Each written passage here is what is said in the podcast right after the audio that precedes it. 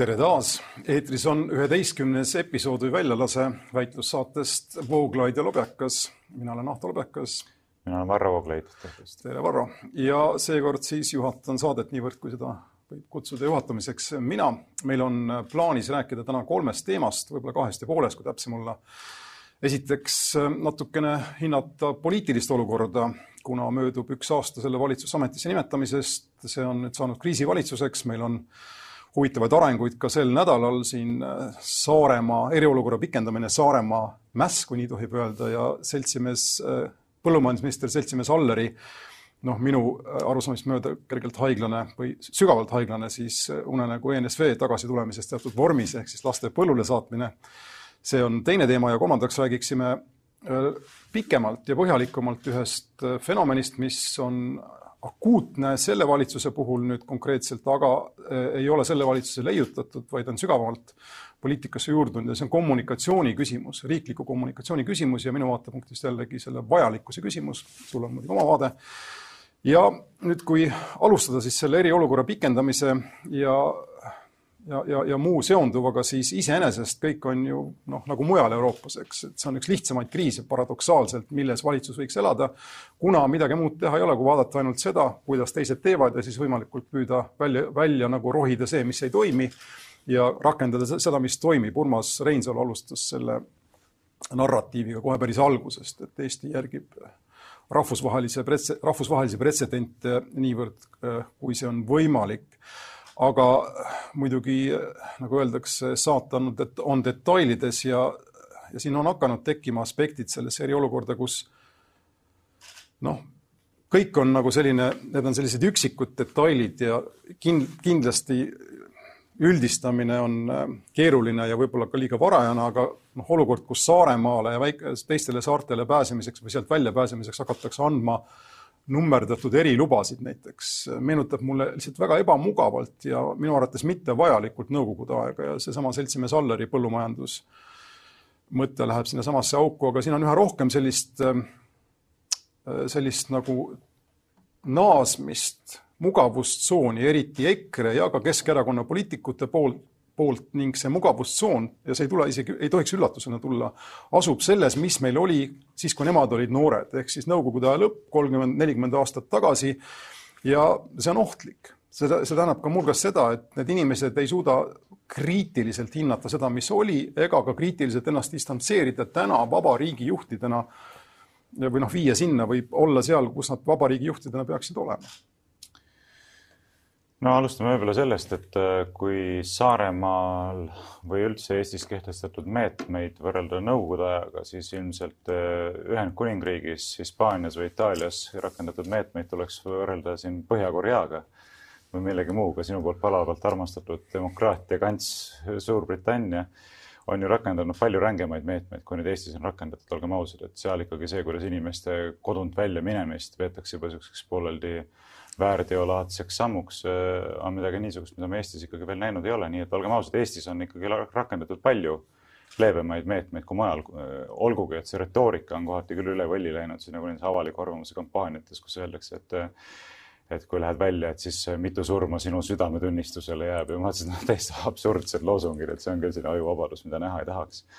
või et lähed välja, levitad viirust, no ei lähe kuskile, et äh, ei levita midagi, et lähed põllule jalutama või metsatukka, et ei levita see midagi ja nii edasi. seda esiteks, aga noh, teiseks, äh, mis Saaremaasse nüüd konkreetsemalt puutub, siis ma arvan küll, et äh, vaata selle kriisi algusfaasis meie ju ka siin rääkisime seda, et ega tegelikult me ei tea, millega meil tegemist on, ülipalju on teadmatust ja parem on eksida ettevaatlikkuse suunas kui ettevaatamatuse suunas, eks, sellepärast et noh, et lihtsalt rohkem on kaotada ilmselt, äh, kui on tegemist väga tõsise ohuga. aga nüüd, kus ei ole see viirusepuhang enam tõusufaasis, vaid on languse faasis ja kus on ka palju rohkem teadmist selle kohta, kui suure ohuga meil tegemist on või äh, kui ettevaatlikud me peaksime olema, tuleb olla ka tundlik selles suhtes, et mitte mugavusest pikendada neid igasuguseid piiranguid põhjendamatult ja ma arvan, et siin tuleb nüüd saarlastest küll kindlasti aru saada, et äh, kuule, sa oled ju põhimõtteliselt saare peale lukku pandud. sul on võib-olla vanemad mandril, sul on võib-olla lapsed äh, vang, äh, mandril. lapselapsed ei saa vanavanematega külas käia, mitte midagi, eks ole, et rääkimata kõikvõimalikest ärilistest kontaktidest, eks ole, mis, mis on ka mandri vahel ju täiesti olemas. ja kui seda lõpuks öeldakse, et saartele liikumist tuleb endiselt piirata sellepärast, et kaitsta neid mandrilt lähtuva ohu eest, noh siis tekib pikem küsimus, et kuulge, aga äkki tuleks hoopis Harjumaa lukku panna. ja mulle tundub, et see võib ka kergesti muutuda sellisteks äh, saarlaste suhtes eriti üleolevaks retoorikaks, et noh, me kaitseme teid, et ei saaks viirust, sellepärast te ei saa nüüd mandrile tulla. ja see, see mulle kindlasti meeldiks, nii et ma arvan, et saarlaste sellisest äh, pahameelest on võimalik aru saada, et nad tahaksid ka nüüd, et nende suhtes toimitaks mõistvalt ma kohe alguses tahaksin öelda midagi oma varasemast kogemusest, kui rääkida Saaremaast, siis tunnevad muhulased ja hiidlased ja väikesaarte elanikud ennast kõrvalejäetuna ja siin tegelikult on ju suurem teema, eks on ka teised saared haaratud ja ma ei mõtle ainult Saaremaad. aga äh, paar sõna kommentaariks sellele, mis sa ütlesid, loomulikult ma ei arva, et keegi tooks tagasi siia päriselt täna Euro-, äh, Eesti Nõukogude Sotsialistlikku Vabariiki. Ja selleks on olemas meil äh, muuhulgas õiguskaitseorganid, kes sellised inimesed kõrvaldaksid äh, kiirelt, kui see asi peaks sinnamaani minema, aga ajalugu äh, kipub korduma, kui ta kordub farsina ja see on see, millele ma viitan ja ma viitan ohtudele, mis ilmnevad sellises farsilaadses äh, noh, mittekriitilises suhtumises minevikku inimeste puhul, kes korraldavad meie elusid. Ja mulle ei meeldi see ja mulle tundub, et need inimesed näitavad sellise noh, mõttelaadi ja tegevusega äh, oma nõrkust ja mittesobivust ametisse ja, ja noh, omaette teema on, miks neid sealt, miks just selliseid ministreid, kes räägivad tõeliselt jumala, rumalat juttu, ei ole võimalik maha võtta. Ja see läheb minu arvates samasse aeda või samasse, samasse kategooriasse. Donald Trumpi ja Boris Johnsoni ja muude selliste populistlike poliitikutega, me oleme, me elame ajastus, me oleme sattunud ajastusse, kus teatud poliitikutele, teatud parteidele kehtivad teistsugused reeglid ning näiteks kas, või selles valitsuses, kui oleks Hane Rasvast hakanud rääkima siin paar kuud tagasi, kui ravimist äh, Keskerakonna poliitikud, ministrid, nad oleksid pidanud ametist lahkuma, ma arvan. see reeg-, see reeglistik on selline, aga EKRE on toonud põhimõtteliselt oma reeglid ja keegi enam ei eeldagi EKRE poliitikutelt pärast ka kõige hullemaid foopaasid seda, et nad võtaksid poliitilise vastutuse, aga no see on omaette teema. aga mida ma tahan selles koroonakriisi kontekstis öelda, on see, üks mõte ma näen siin nurgas, ma olen kirjutanud, see suhtumine vastutustundlik suhtumine nende tegevusse ja liialdused ja mitteliialdused, mulle meeldiks, kui äh, inimesed, kes räägivad surmadest äh, ja ohust ja nii vastutusest ja nii edasi, mõtleksid laialt, ehk siis mitte ainult koroonaviirusest kampaania korras, vaid mõtleksid ka minu pärast seal fentanüülist ja suitsetamisest ja alkoholist ja kui sul on inimelu tähtis, siis on ju nii palju asju, millest inimesed surevad, eks ju, kõigi osas tuleb siis olla tundlik ja vastutustundlik ja nii edasi. Ja muuhulgas mulle jäi silma täna hommikul lehtedest, et äh, mingi, ühesõnaga mitte mingi, vaid äh, asjaomase mõttekoja hinnang, mis ütleb, et juba on säästetud Euroopa linnades üksteist tuhat inimelu tänu sellele, et äh, on vähem ähm, liikumispiirangute ajal siis liiklust, vähem on saastet, üksteist tuhat inimest. Võrreldes sellega, ma ütleksin, see on juba täitsa samas poolpaagis kui need kümned tuhanded inimesed, kes on surnud koroonaviirusesse, eks. igal juhul, tuleme tagasi meie olukorda siin, siis üks asi, mis mul, mis minus nagu süvendab seda déjà vu'd või seda tunnet, et inimesed üritavad meil äh, mingis osas tagasi tuua ENSV-d, on see, mis toimub poodides ja, ja mujal. meil on ka selline avalik suhtumine, selline mõisa või ühiskonna köislas lohiseb väga levinud. kui me käime poes Selverites näiteks või ma ei tea, siin muudes poodides, ma näen, inimesed ei huvita, neid ei huvita see kahe meetri distants, eks nad. ütleme reaalselt see asi meil ei toimi ja tegelikult see on ohtlik, sest et piirangud peavad varem või hiljem kaduma, see on selge. Euroopas kaovad nad igal pool, Šveitsis, Taanis, isegi Hispaanias ja nii edasi, aga see on selle hinnaga, et, et me elame või aktsepteerime uut reaalsust ja sellel uuel reaalsusel on kolm osa see on lihtsalt Euroopa kogemusest, eks üks on kahe meetri distants, teine on äh, kodukontorid, nii palju kui ma ütlen kolm osa, siis ma kolmanda unustan, ütleme, et maskid ja mitte maskid, eks, aga need on need eeldused, need jäävad meiega. ja need on meil kõige nõrgemini äh, arenenud kõige nõrgemini aktsepteeritud kõige vähem aktsepteeritud ja see on ohtlik samuti jah, no rääkimata sellistest massiühiskonna mustritest, no jah, millele sa osaliselt juba viitasid kodukontorite näol, aga põhimõtteliselt ka massikoolid, eks, suured kaubanduskeskused, et võib-olla see ei ole see viis, kuidas me peaksime edaspidi oma elu korraldama. minule näiteks väga meeldiks, kui oleks pisikesed koolid, oleks palju rohkem koduõpet, oleks palju rohkem pisikesi poode, eks, kodulähedasi poode, mida peavad näiteks perekondlikud ettevõtted, nii, mitte nii, et on sellised suured välismaised korporatsioonid, mis on suretanud välja kõik väiksed poed. ma üldse ei leia, et see on see korraldus, mille juurde me peaksime tingimata pöörduma nii et kui me mõtleme sellest kriisist ja sellest väljumisest, siis minu meelest ei oleks üldse vaja mõelda ainult pöördumisest eelmisesse olukorda, vaid võiksime püüda ikkagi paremasse olukorda liikuda, kui ennem oli. ja no mis puudutab seda inimelude väärtustamise temaatikat, siis see on üks asi, mis mind kogu selle kriisi juures on kõige rohkem häirinud. ma tean, et siin sul on erinev arvamus, aga mina väljendan oma arvamust sellegipoolest, et äh, kõige viimane statistika, mis on Statistikaameti kodulehel kättesaadav, on kahe tuhande kaheksateistkümnendat aastat puudutav. selle kohaselt Eestis sellel aastal konkreetselt tahtlikult ja teadlikult tapeti ennem sündi kolm tuhat kaheksasada last abordi teel äh, ma ei ole kuulnud, et needsamad inimesed, kes räägivad oi-oi, et iga inimelu on nii väärtuslik, absoluutselt väärtuslik, et me ei tohi isegi siin tead mingeid kohvikuid lahti teha või mitte midagi muud ette võtta, ei tohi välja valutama minema, sest muidu levitad viirust ja sead teiste inimeste elu ohtu. selle probleemi pärast muret tunneksid. kolm tuhat kaheksasada väikest, kõige süütumat ja kaitsetumat inimolendit, iga päev üle kümne lapse, praegusel hetkel ka, keegi ei räägi nendest. räägime, et eile suri koroonasse üks inimene, aga see, et kümme väikest last ennem sündi ära annihileeriti, eks mitte valitsuse, mitte hoolimata valitsuse pingutustest, et seda juhtuks, vaid valitsuse rahalisel toetusel, mitte hoolimata arstide pingutusest, et seda juhtuks, vaid arstide otsesel osalusel ja nii edasi. Äh, ja see on minu meelest silmakirjalik ja noh, samamoodi näiteks äh, vähiga. vähki sureb Eestis aastas ju ligi neli tuhat inimest, kui ma õigesti mäletan. ja keegi ei räägi sellest, et kuulge, aga miks me nõustume sellega, et mürgitatakse põldusid massiliselt igasuguste mürkidega, niinimetatud taimekaitsevahenditega. kuigi on teada, et seal on väga otsene seos, eks ole, vähkkasvajate äh, tekkimisega. Öeldakse, ei, no see on majanduslikud kaalutlused, et me peamegi konkurentsis püsima ja teistes Euroopa riikides põllumehed ka kasutavad neid vahendeid ja kui meil ei kasutata, et siis meil majanduslik see konkurentsivõime kaob ära ja nii edasi, aga vabandust, et kas te just hetk tagasi ei rääkinud sellest, et inimelu on absoluutse väärtusega ja seda ei tohi, ütleme, panna kaaludele, mille teiseks pooleks on mingid majanduslikud argumendid. nii et noh, pikk jutt kokkuvõetuna, ma tahaksin näha sedasama mure inimelude pärast kõigis küsimustes, nagu sa mainisid, fentanüüliga seonduvalt või millega iganes, mitte ainult äh, seonduvalt koroonaviirusega. jah, see minu jaoks märksõna siin on instrumentaliseerimine, see on ühe sellise üleüldise või ma ei tea, universaalse väärtuse teema võtmine ja siis selle rakendamine mingisuguse konkreetse eesmärgi teenistusse, mis on iseenesest äh, väär ja ma ütleksin, taunitav tegevus ja antud juhul me, meil on siin väga hea näide sellest. ma tulen korraks tagasi, ma ei saa jätta tulemata tagasi selle abordi teema juurde, ma lihtsalt väljendan oma vaadet siin, tegemist on suuremas osas, ma ei eita, et siin on eetiline probleem ja see on äh, eetilise probleemina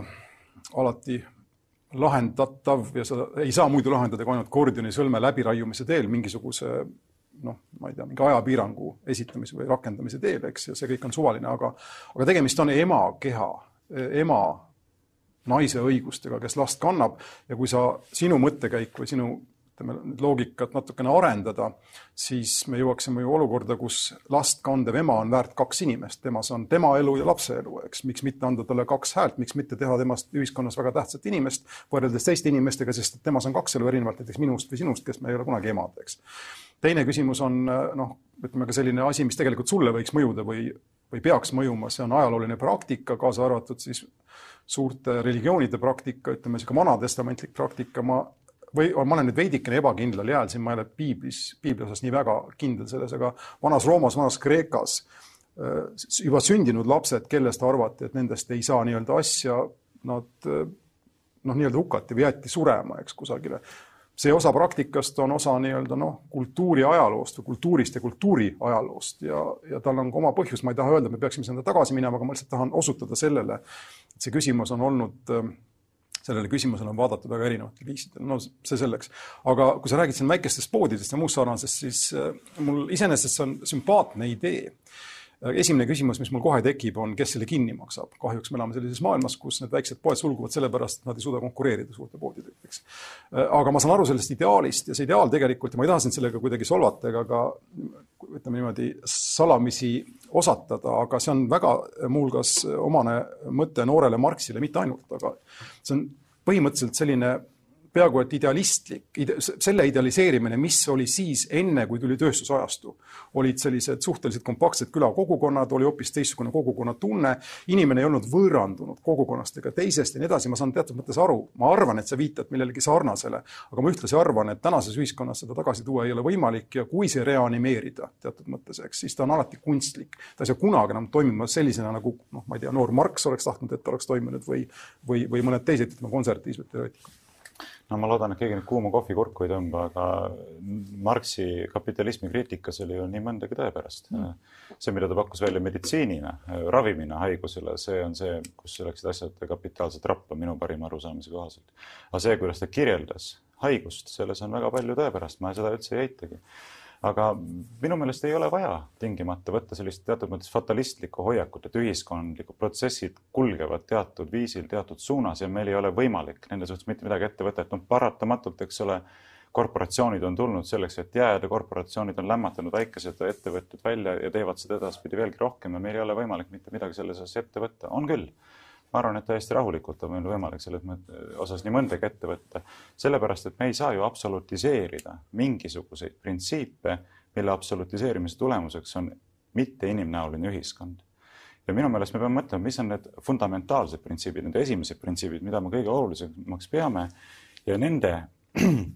teenistusse tuleb rakendada kõik ülejäänud printsiibid. Ja, ja kui me ütleme, et me tahame sellist ühiskonda, kus säilib perekondlik ettevõtlus, kus säilib inimlik mastaap kõikides asjades, nii haridussüsteemis, nii kaubandussüsteemis äh,, äh, nii meditsiinisüsteemis kui igal pool, siis tuleb lihtsalt võtta vastu sellised otsused, sõltumata sellest, kas need sobituvad sellise domineeriva ideoloogilise alusega, mis näeb ette, et noh need kõik asjad on justkui nagu võimatud, et ma ei taha üldse neid võimatuks pidada. see on minu meelest üks väga oluline printsiip ja sellest me võiksime ükskord laiemalt rääkida, et sellise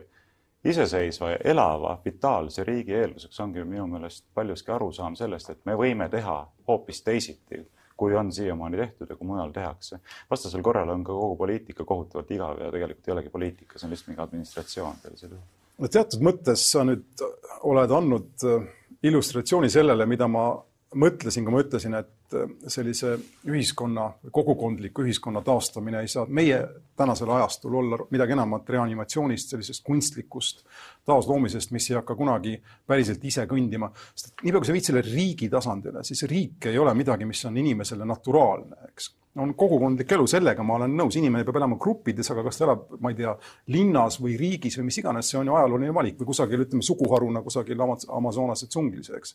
nii kui sa selle riigi tasandile tood, siis eh, noh, sinu inimline ühiskond eh, omandab totali-, to-, totaalse mõõte, mitte tingimata totalitaarse, ma seda ei, ma ei, ma ette veel ei heidaks sulle, aga, aga totaalne, totaalse mõõte omandab sellega, et ta asetab kõikidele inimestele, kes juhtuvad olema selle riigi subjektid, siis teatavad nõudmised. Nad peavad teatavat moodi enda individuaalsust painutama. sellest ma aru ei saa, tähendab, ma saaksin aru sellest, kui sa teeksid, ütleksid, et kommuunid võiksid olla noh, minu pärast kasvõi ma ei tea, maksusoodustuste ja võimaliku autonoomiaga, kus selline elu on võimalik, aga kogu riigile see peale suruda eeldada, et ütleme, inimesed, kes tahaksid elada mingisuguses ütleme näiteks Blade Runnerlikus tulevikus, kui sa oled näinud seda filmi, kus äh, ühiskond on atomiseerunud, väga üle urbaniseerunud ja nii edasi, aga kus noh, niisugune cyberpunk eluviis mõnele võib meeldida. selle sa ju eemaldaksid kohe oma inimnäolisusega. ühesõnaga, mida ma üritan öelda, on see, et me elame juba ajastul, kus äh, inimnäolisuse fragmenteerumine on aktsepteeritud ja sellest tagasi minna on väga keeruline ilma sunnimeetmeteta nojah, aga ütleme, sunnimeetmete rakendamine on osa igasugusest riiklikust formatsioonist, eks küsimus on lihtsalt selles, et milliseid sunnimeetmeid rakendatakse ja millisel viisil. aga selles mõttes ma ei näe siin nagu põhimõttelist murrangut, aga näiteks seesama, mida sa mainisid, eks ole, maksusoodustused väikestele ettevõtetele, olulised maksusoodustused. sellega ma olen nõus. täiesti nõus, täiesti, me, me tahame, et oleks jätkusuutlik perekondlik ettevõtlus ja väike, väikeettevõtluseks. et inimesed ei pea minema tingimata tööd tööle suurtesse korporatsioonidesse, vaid et nad võivad ka ise elujõuliselt ettevõtlusega tegeleda. samamoodi näiteks maksuerisused maapiirkondades ja linnapiirkondades. me tahame, et Eestis oleks regionaalne tasakaalustatus, me tahame, et maal saaks elada ja ettevõtlusega tegeleda. ometi me ei loo selleks soodsaid tingimusi. see on ilmselge. ja, ja minu meelest see on ka tegelikult täiesti sügavalt ebaõiglane, et kõigile kehtestatakse ühed ja samad maksud, näiteks võtame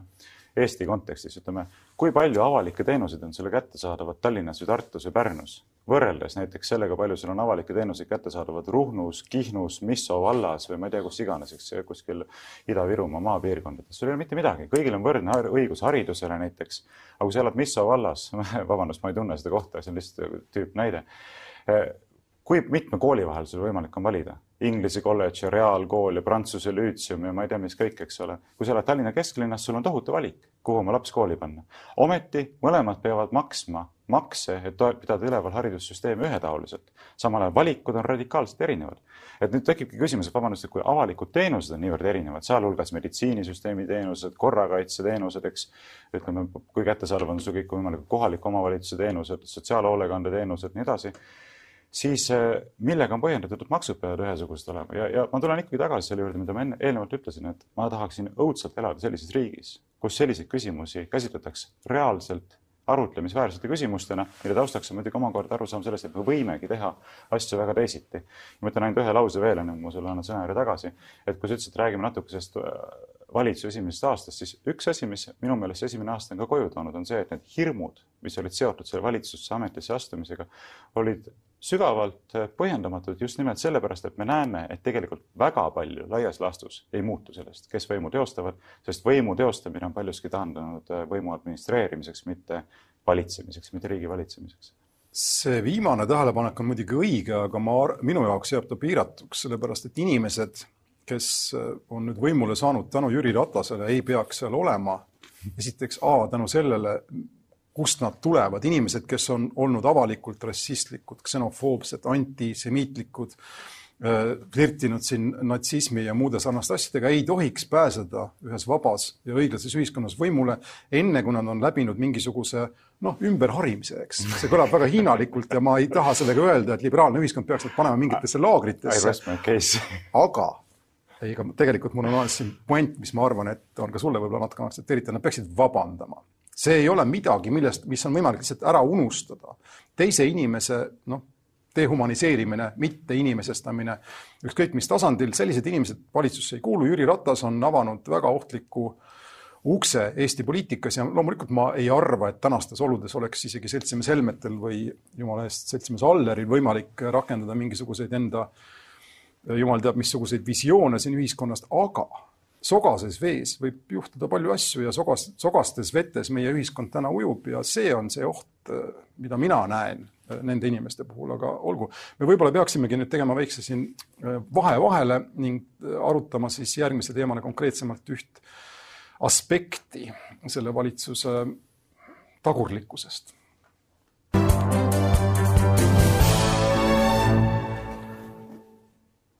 nii, ma võtan endale teatavad vabadused siin, eks sa saad kohe minuga vaielda, aga äh, ei ole võib-olla väga palju paremaid näiteid sellest, kuidas äh, inimeste instinktid, hoolimata sellest, et nad on ministrid äh, demokraatliku ja lääneliku riigi valitsuses,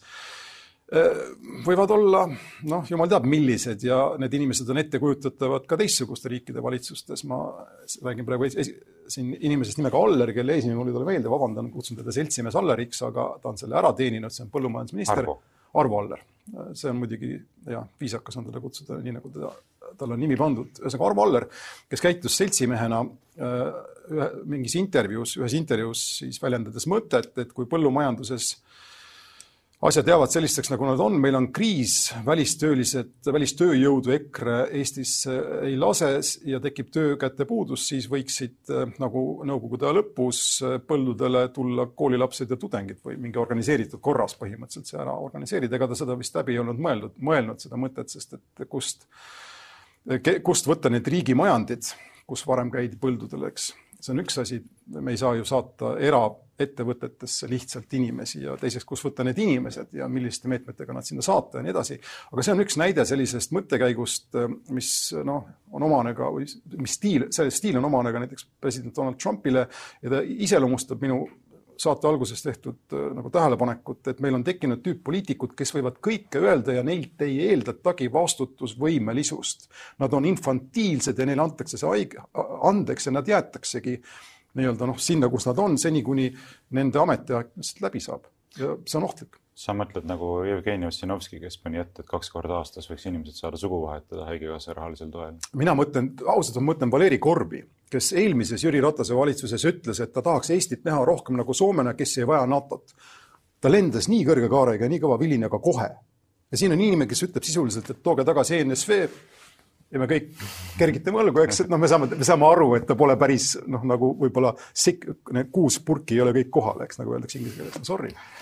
No esiteks alustame sellest, et ta ei, ju ei öelnud, et toome tagasi ENSV, need on need pahatahtlikud tõlgendused on, mis on sellele väljaütlemisele kiiresti külge kleebitud ja mina pean täiesti siiralt ja ausalt, ilma igasuguse irooniata ütlema, ma ei saa absoluutselt aru, et miks selles ettepanekus niivõrd äh, halba, kohatut või inetut on, et sellepärast peaks vabandama hakkama või ametist taanduma hakkama. minu meelest väga hea ettepanek, ütleme otse ära. sellepärast, et jutt ei käi ju sellest, et kedagi äh, piltlikult öeldes relva ähvardusel kohustuslikus korras äh, põllule ajada vaid jutt käib sellest, et vabatahtlikkuse alusel pakkuda õpilastele võimalus osaleda põllumajanduslikes töödes. ja minu meelest see on suurepärane, tähendab, sul on igal juhul õigus sellega, et siin on palju praktilisi küsimusi, kuhu need inimesed üldse minema peaksid, et ei ole kolhoose, mingeid suuri riiklikke majandeid, kuhu saaks nagu riikliku tellimuse korras inimesi suunata. aga näiteks eh, eraettevõtjatega koostöös selline võimalus pakkuda, et nädal eh, on näiteks sügisel on üks nädal, kus saavad õpilased erinevatest koolidest minna erinevatesse taludesse, erinevatesse ettevõtetesse tööle appi maatöid tegema. see oleks minu meelest suurepärane just nimelt sellepärast, et see aitaks sellisest, sellises äh, vägagi reaalsusest irdunud ühiskonnas, eriti noorema põlvkonna seas, luua uuesti kontakti reaalsusega. kedagi ei sunnita, kõik võivad mingeid muid töid teha, kes tahab, võib minna appi näiteks haiglasse, kes tahab, võib minna appi, ma ei tea, minu poolest, ma ei tea, parke koristama, kes tahab, võib minna appi ka näiteks äh, põllumajandusvaldkonda, mingisse talusse, kas loomade eest hoolitsema, seal tead heina ette andma, põllult kartulit koristama, suurepärane, suurepärane idee ausalt öeldes, miks mitte. ja ma lisan ühe asja veel, mis on jäänud ka inimestele märkamata. Ja ma veel kord korrutan, et siin minu, minu parima arusaamise kohaselt põllumajandusminister ei öelnud, seda tuleks kohustuslikus korras teha. On asjaolu, et kogu meie haridussüsteem baseerub ammu omaks võetud aktsioomil, et lapsi võib sundida erinevaid asju tegema kas keegi küsib äh, õpilastelt seda, et kas te tahate õppida keemiat, kas keegi küsib, kas seda, kas te tahate minna kehalise kasvatuse tundi, kas keegi küsib õpilastelt, kas te tahate, ma ei tea, minna klassi väljasõidule kuskile teatrisse? ei, see on lihtsalt kohustuslik õppeprogrammi osa, õppekava osa, riiklikult kehtestatud ja te peate seda täitma, eks. vähemalt põhikooli ulatuses te olete sunnitud karistuse ähvardusel kohustatud seda kõike tegema nii ja, ja nüüd ühtäkki, kui öeldakse, et aga võiks vabatahtlikult minna põllule appi kartuleid üles võtma või kapsaid või mis seal täpselt silmas peeti, siis on hirmus kisa lahti, et oi-oi-oi, et ENSV-d tuuakse tagasi. ma sellest kriitikast selles mõttes absoluutselt aru ei saa. jah, sellega muidugi ma ei vaidle ja sellega on raske vaielda, et äh, laste nii-öelda kogemuslikku silmapiiri laiendada ja anda neile võimalused, äh, mis meil olid, noh, ma ei tea, kas sinu vanustel inimestel olid, mina käisin äh, ma olen käinud kõrvitsaid võtmas kusagil Tartu lähedal või korjamas, eks. iseenesest see ei olnud kole kogemus tagasi vaadates ja, ja ka malevas käik ei olnud kole kogemus, kole kogemus ja pigem vastupidi mm. -hmm. küsimus on siin rohkem selles, äh, siin on kaks küsimust, üks on see, et ma olen sinuga ka nõus selle ma ei ole kindel, et sa tahaksid haridust muuta liberaalseks tingimata, aga no ma loen siit selle praegu välja, eks mulle, mulle imponeerivad riigid, kus ei panda enam hindeid ja lapsi ei mõõdeta hierarhiliselt üksteise vastu ja kõik need on asjad, mis äh, toovad vastupidise tulemuse soovitule, ma arvan. aga teistpidi, ja me kõik peame seda tunnistama, me ei saa ühiskonnas ju asju päris, päriselt korraldada niimoodi, et me küsime viieaastase lapse käest, mida sa tahad teha ja siis ta teebki seda, mida ta teha tahab, eks. siin on omad äh, reeglid ja rituaalid ja raamistikud ja nii edasi ja, ja debatt selle üle peab muidugi käima, aga probleem nüüd konkreetselt selle ministriga äh, on ju see, et äh, ma tulen tagasi selle NATO näite juurde, et isegi kui ta ei mõelnud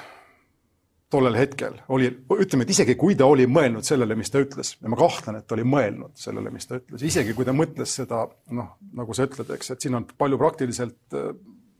arut-, ütleme, ettenägematuid asju, aga mõte on selline, et lapsed võiksid minna põldudele. mulle küll tuli, mulle jäi mulje, et ta ütles, et tuleks saata põldudele ja mis iganes. aga isegi, kui ta seda noh, tegi kõige paremat tahtmise juures, siis kui ta oleks sõnadeks valinud äh, põllumajanduskümblus näiteks või põllukümblus või midagi sellist, eks, ja teinud sellise noh, teatud mõttes pehmendanud seda lööki, ma oleksin sellest aru saanud ja iseenesest loomulikult võib sellest rääkida ja, ja riik võiks siia investeerida, et teha mingisuguse nii-öelda äh, pool'i või ma ei oska öelda, mingi kogumi ettevõtetest, kes on huvitatud tööjõust ja siis kuidagi nad viia kokku koolide ja ma ei tea, lasteaedade, ülikoolidega ja tekitada see võimalus. iseküsimus on, et mis saab nende inimeste hariduslikust nagu staatusest selleks nädalaks või noh, kas neile antakse andeks need tunnid. see kõik on keeruline, eks mm. -hmm. aga see NATO näide on minu jaoks A ja O siin. ehk siis sa võid öelda Eestis ministrina, et sa tahad, et Eesti oleks rohkem kui, rohkem Soome sarnane, aga niipea, kui tekib küsimus selles, et kuhu siis NATO jääb, sa oled rikkunud teatud mõttes ühte meie alusväärtust. no mis minule jaoks on ma olen, ma olen isegi nõus sinuga, selles ma olen nõus, aga ma lihtsalt tahan öelda sulle, et see on see printsiip või ütleme niimoodi, et kui ma oleksin kuueteistkümnenda sajandi Inglismaal öelnud, et, et, et jumal mingu põrgu, eks. no on, on asju, mis ei, mis ei ole aktsepteeritavad ja kui meie riik on selline, kus minister võib lennata selle eest, et ta kaudselt pani NATO kohale küsimärgi, siis see riik peab olema ka selline, kus minister peab lendama sellepärast, et ta kaudselt pani meie riigi ja ENSV vahele võrdusmärgi. see on minu point muuseas, põrgus oleks ammu aeg kord majja lüüa, nii et see oleks väga hea ettepanek. aga ma omalt poolt tahan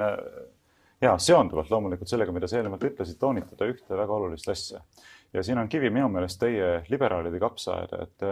äärmiselt palju tähtsustate õigusi, tehes seda ka muidugi valikuliselt aga te ei taha eriti palju mõelda eh, inimkohustustest ja sellest, et tegelikult ühiskonnas, see ei ole mingisugune nõukogudelik või põhjakorealik või hiinalik printsiip, et inimestel on ka teatavad kohustused ühiskonnas. noh, esimene asi on see, et kuule, me räägime kaheteistkümnenda klassi poistest, kellel tuleks minna võtta natukene kapsaid või kartuleid. Need poisid peavad kuus kuud hiljem minema üheksaks kuuks sõjaväkke, onju ja keegi ei küsi neilt, et kuulge vabatahtlikult või mitte, eks ole. siin me räägime, ma ei tea, nädala jooksul natuke kapsaid korjata, et siin ma näen nagu tohutut, keegi ei, vabandust väljenduse pärast, ei ruiga sellepärast, et kuule, kuidas saab panna inimesi kümneks kuuks, eks ole, sõjaväkke kuskile ja nii edasi. mis Nõukogude aeg või Hiina või Põhja-Korea see siin on, aga vaata, kui kapsast on vaja üles võtta, et siis on Nõukogude aeg tagasi, aga see selleks, see on väiksem. tegelikult sa vist, sorry, ma võtan vahele ühe lause, sa oled vist ära lahendanud äh, minister Alleri probleemi ja kui tal oleks korralik kommunikatsioon, oleks ta ilmselt selle läbi mõelnud ja öelnud. probleem ongi kommunikatsiooni. saatke ajateenijad kartuleid võtma miks mitte kõik oleks rahul. hädapärast kasvõi seda teha. muuseas, neid tuleks üleüldse laiemalt ühiskondlikku kasulikult rakendada minu meelest, aga see on eraldi teema. aga olulisem asi, mida ma tahtsin öelda, on see, et äh, minu meelest oleks väga väärikas, kui ka õpilased teaksid seda, et me tahame aasta läbi süüa koolis, eks, koolilõunat aga me vähemalt selle ühe nädala panustame sellele, et meil oleks, mida siia lauale panna, eks, et siin tekib ka niisugune natukene selline nagu kuidas öelda, hoolekanderiigi äh, hoiak, mis mulle üldse ei meeldi, et no meil on küll õigus saada siin tasuta koolilõunaid, aga kui keegi eeldab, et ma pean minema siin mingi kartulat sulle üles võtma, siis unustage see asi küll ära, eks ole. et sellist asja ei hakka siin kindlasti juhtuma. ja sama asi näiteks vanglatega, mulle on täiesti arusaamatu, ammu olnud see, vangide toitlustamisele kulutatakse, ma ei tea, keskeltläbi seal kümme või kakskümmend korda ühe inimese kohta ühes päevas raha, kui õpilaste toitlustamisel näiteks ometi need on inimesed, kes istuvad vanglas sellepärast, et nad on omaenda käitumise kasutanud ennast väljaspoole meie ühiskonnas aktsepteeritud konventsioone, noh, kohe niimoodi tõsiselt väljapoole, mitte kergelt, eks. nagu ma ei tea, natukene üle punasega üle tee minemine või midagi muud sellist. miks need inimesed peavad saama kõigi teiste inimeste kulul süüa? ma ei saa sellest aru. ja, ja nüüd öeldakse, ei, vange ei tohi, eks ole, sundida tööd tegema, sunnitöö on keelatud. Polegi mingit sunnitööd. ei taha tööd teha, ära siis söö ka, noh siis saad oma viilukese leiba ja seal klaasikese vett, sooja vett ja teed natukene ja elad kütmata ruumis ja nii edasi. aga kui tahad, et sul oleks enam-vähem soe tuba, tahad, et sul oleks enam-vähem normaalne toit, siis pead ka tööd tegema. nii et ma ei taha nüüd küll õpilasi ja vange selles mõttes võrrelda, aga kuskil kaugemal tiksub siin sama printsiip, et tegelikult me peaksime mõtlema rohkem kohustustest, mitte ainult õigustest. kaks, kaks lühikest repliiki. üks on see, ma arvan, et kui sa õpilasi tahad motiveerida enda toidu eest töötama, siis sa pead leidma koha, kus kasvavad maasbaarid ja siuksed asjad, eks. kui hakata inimese, ühesõnaga õpilasele öelda, et kõrvitsad ja sibulad ja kõrvitsad, sibulid ja kartulid on vaja sulle toidulauale, siis ta üldiselt ei huvita, ma arvan, nendest nii väga, et see ei motiveeri. aga teine asi on vanglate teema, kuhu ma hea meelega läheks pikemalt mingil hetkel sisse, aga mitte täna, kuna meil pole aega. aga friikartulit tahad küll McDonaldsis no,? Free, aga kui see friikartul kasvaks kusagil, eks siis no, seda kartul on kartul. nojah, see on keeruline. aga äh, vanglate probleem on laiem ja ma kahtlustan, et see, mida sa kirjeldad, on mingi nõukogude aja jäänuk, nagu ka see fakt, et meil prokuratuuri, prokuratuuri poolt süüdistuse saanud inimestest üheksakümmend üheksa koma midagi läheb, äh, saab süüdi mõistetud, mida ei juhtu vabas ühiskonnas, see on ainult postsovjetlikes ühiskondades on see niimoodi. ning teiseks äh, mind rabas mingil hetkel selline väike äh, faktoid siin aastaid, paar aastat tagasi, ma usun, et see pole muutunud, igal vangil on õigus kuus mingile kas kilole või kahekilosele pakile. Ja selle võib ta täita kas raamatute või millegi muuga, aga ei ole sellist asja nagu näiteks raamatute, noh, omaette mingi raamatute kvoot, eks ei, kui sa näiteks otsustad, et sa tahad sokkitasemel raamatuid, sa võid seda teha, aga sa pead midagi, millestki loobuma. ma ei saa aru sellisest süsteemist, mis ei lase inimesel ennast noh, harida no.. aga okei okay., teeme, teeme siin väikse vahe ja räägime natukene sellest, mida järgmisena, sellest, mida seltsimehe minister Allaril ei olnud, ehk siis kommunikatsioon.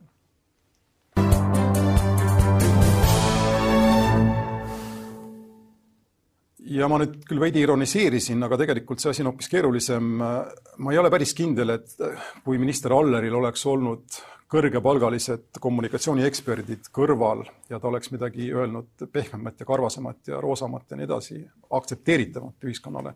et see oleks sada protsenti hea olnud, sest et eh, miks ta hea ei ole, me näeme sel nädalal minu jaoks absurdsest faktist, et Terviseamet palkas endale tööle ükskõik mis viisil siis, ma saan aru, et ilma konkursita inimesed eh, kommunikatsiooni tegema ja juhtima avalikus, erasektorist ning maksab neile inimestele rohkem, kui ta maksab äh, inimestele, kes tegelikult siis teevad Terviseametis äh, noh, seda tööd, mida Terviseametis tuleb teha, kaasa arvatud juhtida seda koroonakriisiga toimetulemist. Ja, ja siin on mul nagu laiem küsimus üldse riigi, riigi kommunikatsioonist ja viisist, kuidas me oleme kaotanud ja suhteliselt targad või targana välja nägevad inimesed on kaotanud nagu perspektiivi selle osas, et, et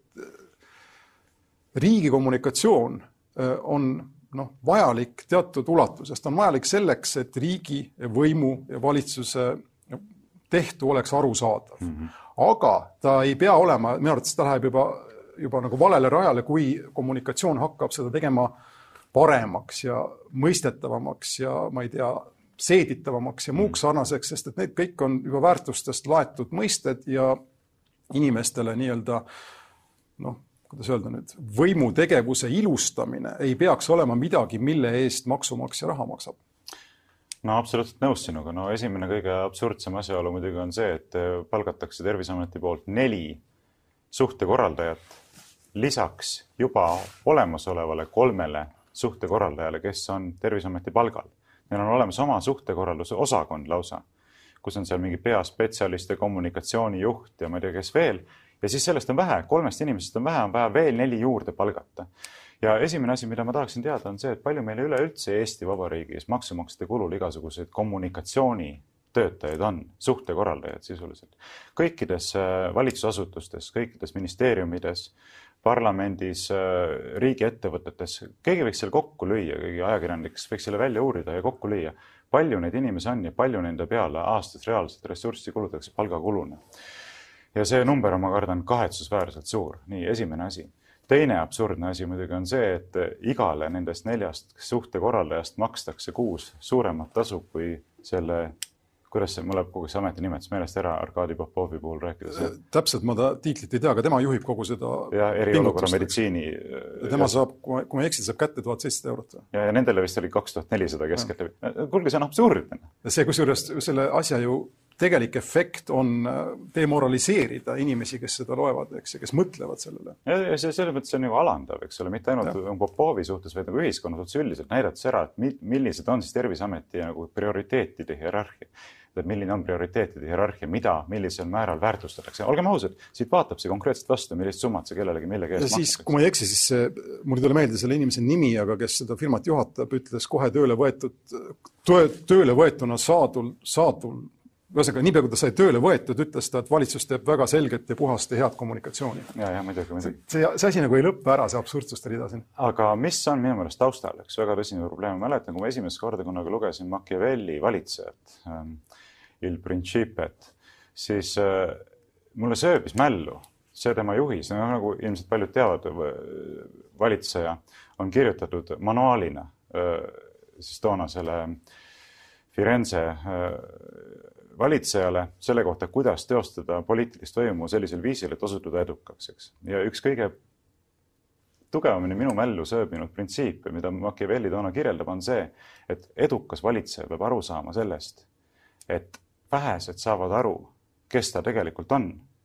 aga paljud näevad seda, millisena ta paistab. järelikult, kui valitseja tahab olla edukas, ta peab panema põhirõhu mitte sellele, et olla hea, vaid sellele, et näida heana. ja teisisõnu ta ütles, et see ongi üks eduka valitsemise võtmekriteerium, et sa pead hoolitsema selle eest, et sinu avalik kuvand oleks väga hea, sõbralik, atraktiivne, toetav, armastav, hooliv. see, milline sa tegelikult oled, see on täiesti teisejärguline küsimus. ja, ja noh, paljuski see teooria minu meelest ongi sellise kaasaegse suhtekorraldus idee aluseks et sellele tuleb, pannakse järjest rohkem ja rohkem ja rohkem rõhku, et lihtsalt luua kuvandit sellest, kuidas asjad on, hoolimata sellest, et tegelikult asjad on võib-olla väga räbalad ja Terviseamet on siin praegusel hetkel ju väga hea näide, kui palju igasuguseid vigu on tehtud selle kriisi haldamise käigus. Äh, sellest ei taheta eriti rääkida, küll aga nüüd palgatakse rohkem suhtekorraldajaid, et näidata, et tegelikult on ikka asi päris hästi tehtud kõik, et. see, mida sa kirjeldad, on mündi üks pool ja sellega ma ei vaidle üldse, aga siin on mündil teine pool ja mis on minu jaoks kõige olulisem ja, mille suhtes mina olen kõige kriitilisem kogu selle teema juures ja saate ülevaate sellest probleemist, te loete Ilmar Raagi kirjutisi, kes kunagi on olnud ise valitsuse nii-öelda propagandatsaar või propagandaosakonna juhataja või riigipropaganda või mis iganes, kuidas seda kutsuti. strateegiline kommunikatsioon, aga sisuliselt tähendab see riigipropagandat ja see muidugi kõik oli siin ühe teise valitsuse ajal, eh, Reformierakond oli võimul ja Ilves oli president ja olukord oli täpselt samasugune ja see on minu, see on see koht, kus mul on probleem. see, mida sina kirjeldad, olgu, meil on siin Il Principe või meil on siin, ma ei tea, Džingis Khan või keegi, ma ei tea, kuningas Louis neljateistkümnes ja tal on kommunikatsiooniprobleem ja loomulikult ta on ise valitseja, ta ta võib lubada endale kõike kinni maksta enda paistmise siis ilustamise, eks. aga meil on tegemist vabariigiga, kus kõrgem väärtus on inimene, kodanik, indiviid, tema autonoomia, tema õigused, nii edasi, eks ja sellises olukorras, kui lugeda Raagi ja lugeda kõike seda ja vaadata, mis siin toimub, eks, jutt käib ju sellest, kuidas riik, kuidas valitsus paremini saaks mobiliseerida inimesi müüte luues või no mingisugust, ütleme, faktoloogiat ilustades, eks. järelikult inimese teadvust ümber kujundades. ja kui selle mõttega edasi minna, jällegi ma loen siin Raagi, eks, selline inimese mobiliseerimine meieks on ju mingisugusel eesmärgil, eesmärgi märgi, määravad ära mobiliseerijad ja inimene, noh, heal juhul tal on kriitikameel ja ta ei lähe kaasa, aga enamus inimesi ilmselt usaldab valitsust ja laseb enda teadvusel muutuda ja aktsepteerib seda meie pilti, ta on manipuleeritav. ja selline lähenemine vabale ühiskonnale minu arvates täiesti vastuvõetamatu. see, mida me peaksime taluma valitsuse puhul, on lihtsalt see, et ta seletab enda otsuseid võimalikult selgelt ning iga inimene läheb siis oma eluga edasi, nii nagu ta muidu läheks mm. -hmm. ta ei vaja mingisugust kommunikeerimist, meie pildi loomist, ta ei vaja endale tähenduse andmist, kui tsiteerida Ilmar Raagi ja kõike seda ja see ei puuduta üldse tegelikult seda EKRE valitsust, see on, see, mida me näeme, on siin lihtsalt selline suhteliselt ähm, äh, rohmakas kommunikatsiooni temaatika ots siin, selle Ilona Leib on selle inimese nimi, kes palgati, eks, aga see probleem läheb süvitsi ja ta võtab minalt ära, ta annab, ühesõnaga ta hävitab meie mina. Meie individuaalsust selle nimel, et, et, et, et, et oleks mingi meie, kes siis mobiliseerituna tunneks ennast hästi. ja ma olen kindel, et sulle see päriselt, see minu jutt ei lähe äh, ei, ei ole aktsepteeritav, sest et mina siin ei näe mingit ruumi mingile meie pildile, välja arvatud sellele, millega me oleme harjunud ja mille, mida me aktsepteerime nii-öelda enda tavakäitumise raames, nagu šveitslane läheb referendumile, mis iganes, eks, tema valitsus töötab, ta ei pea kuidagi kulpi lööma riigile või rahvusele või millelegi muule.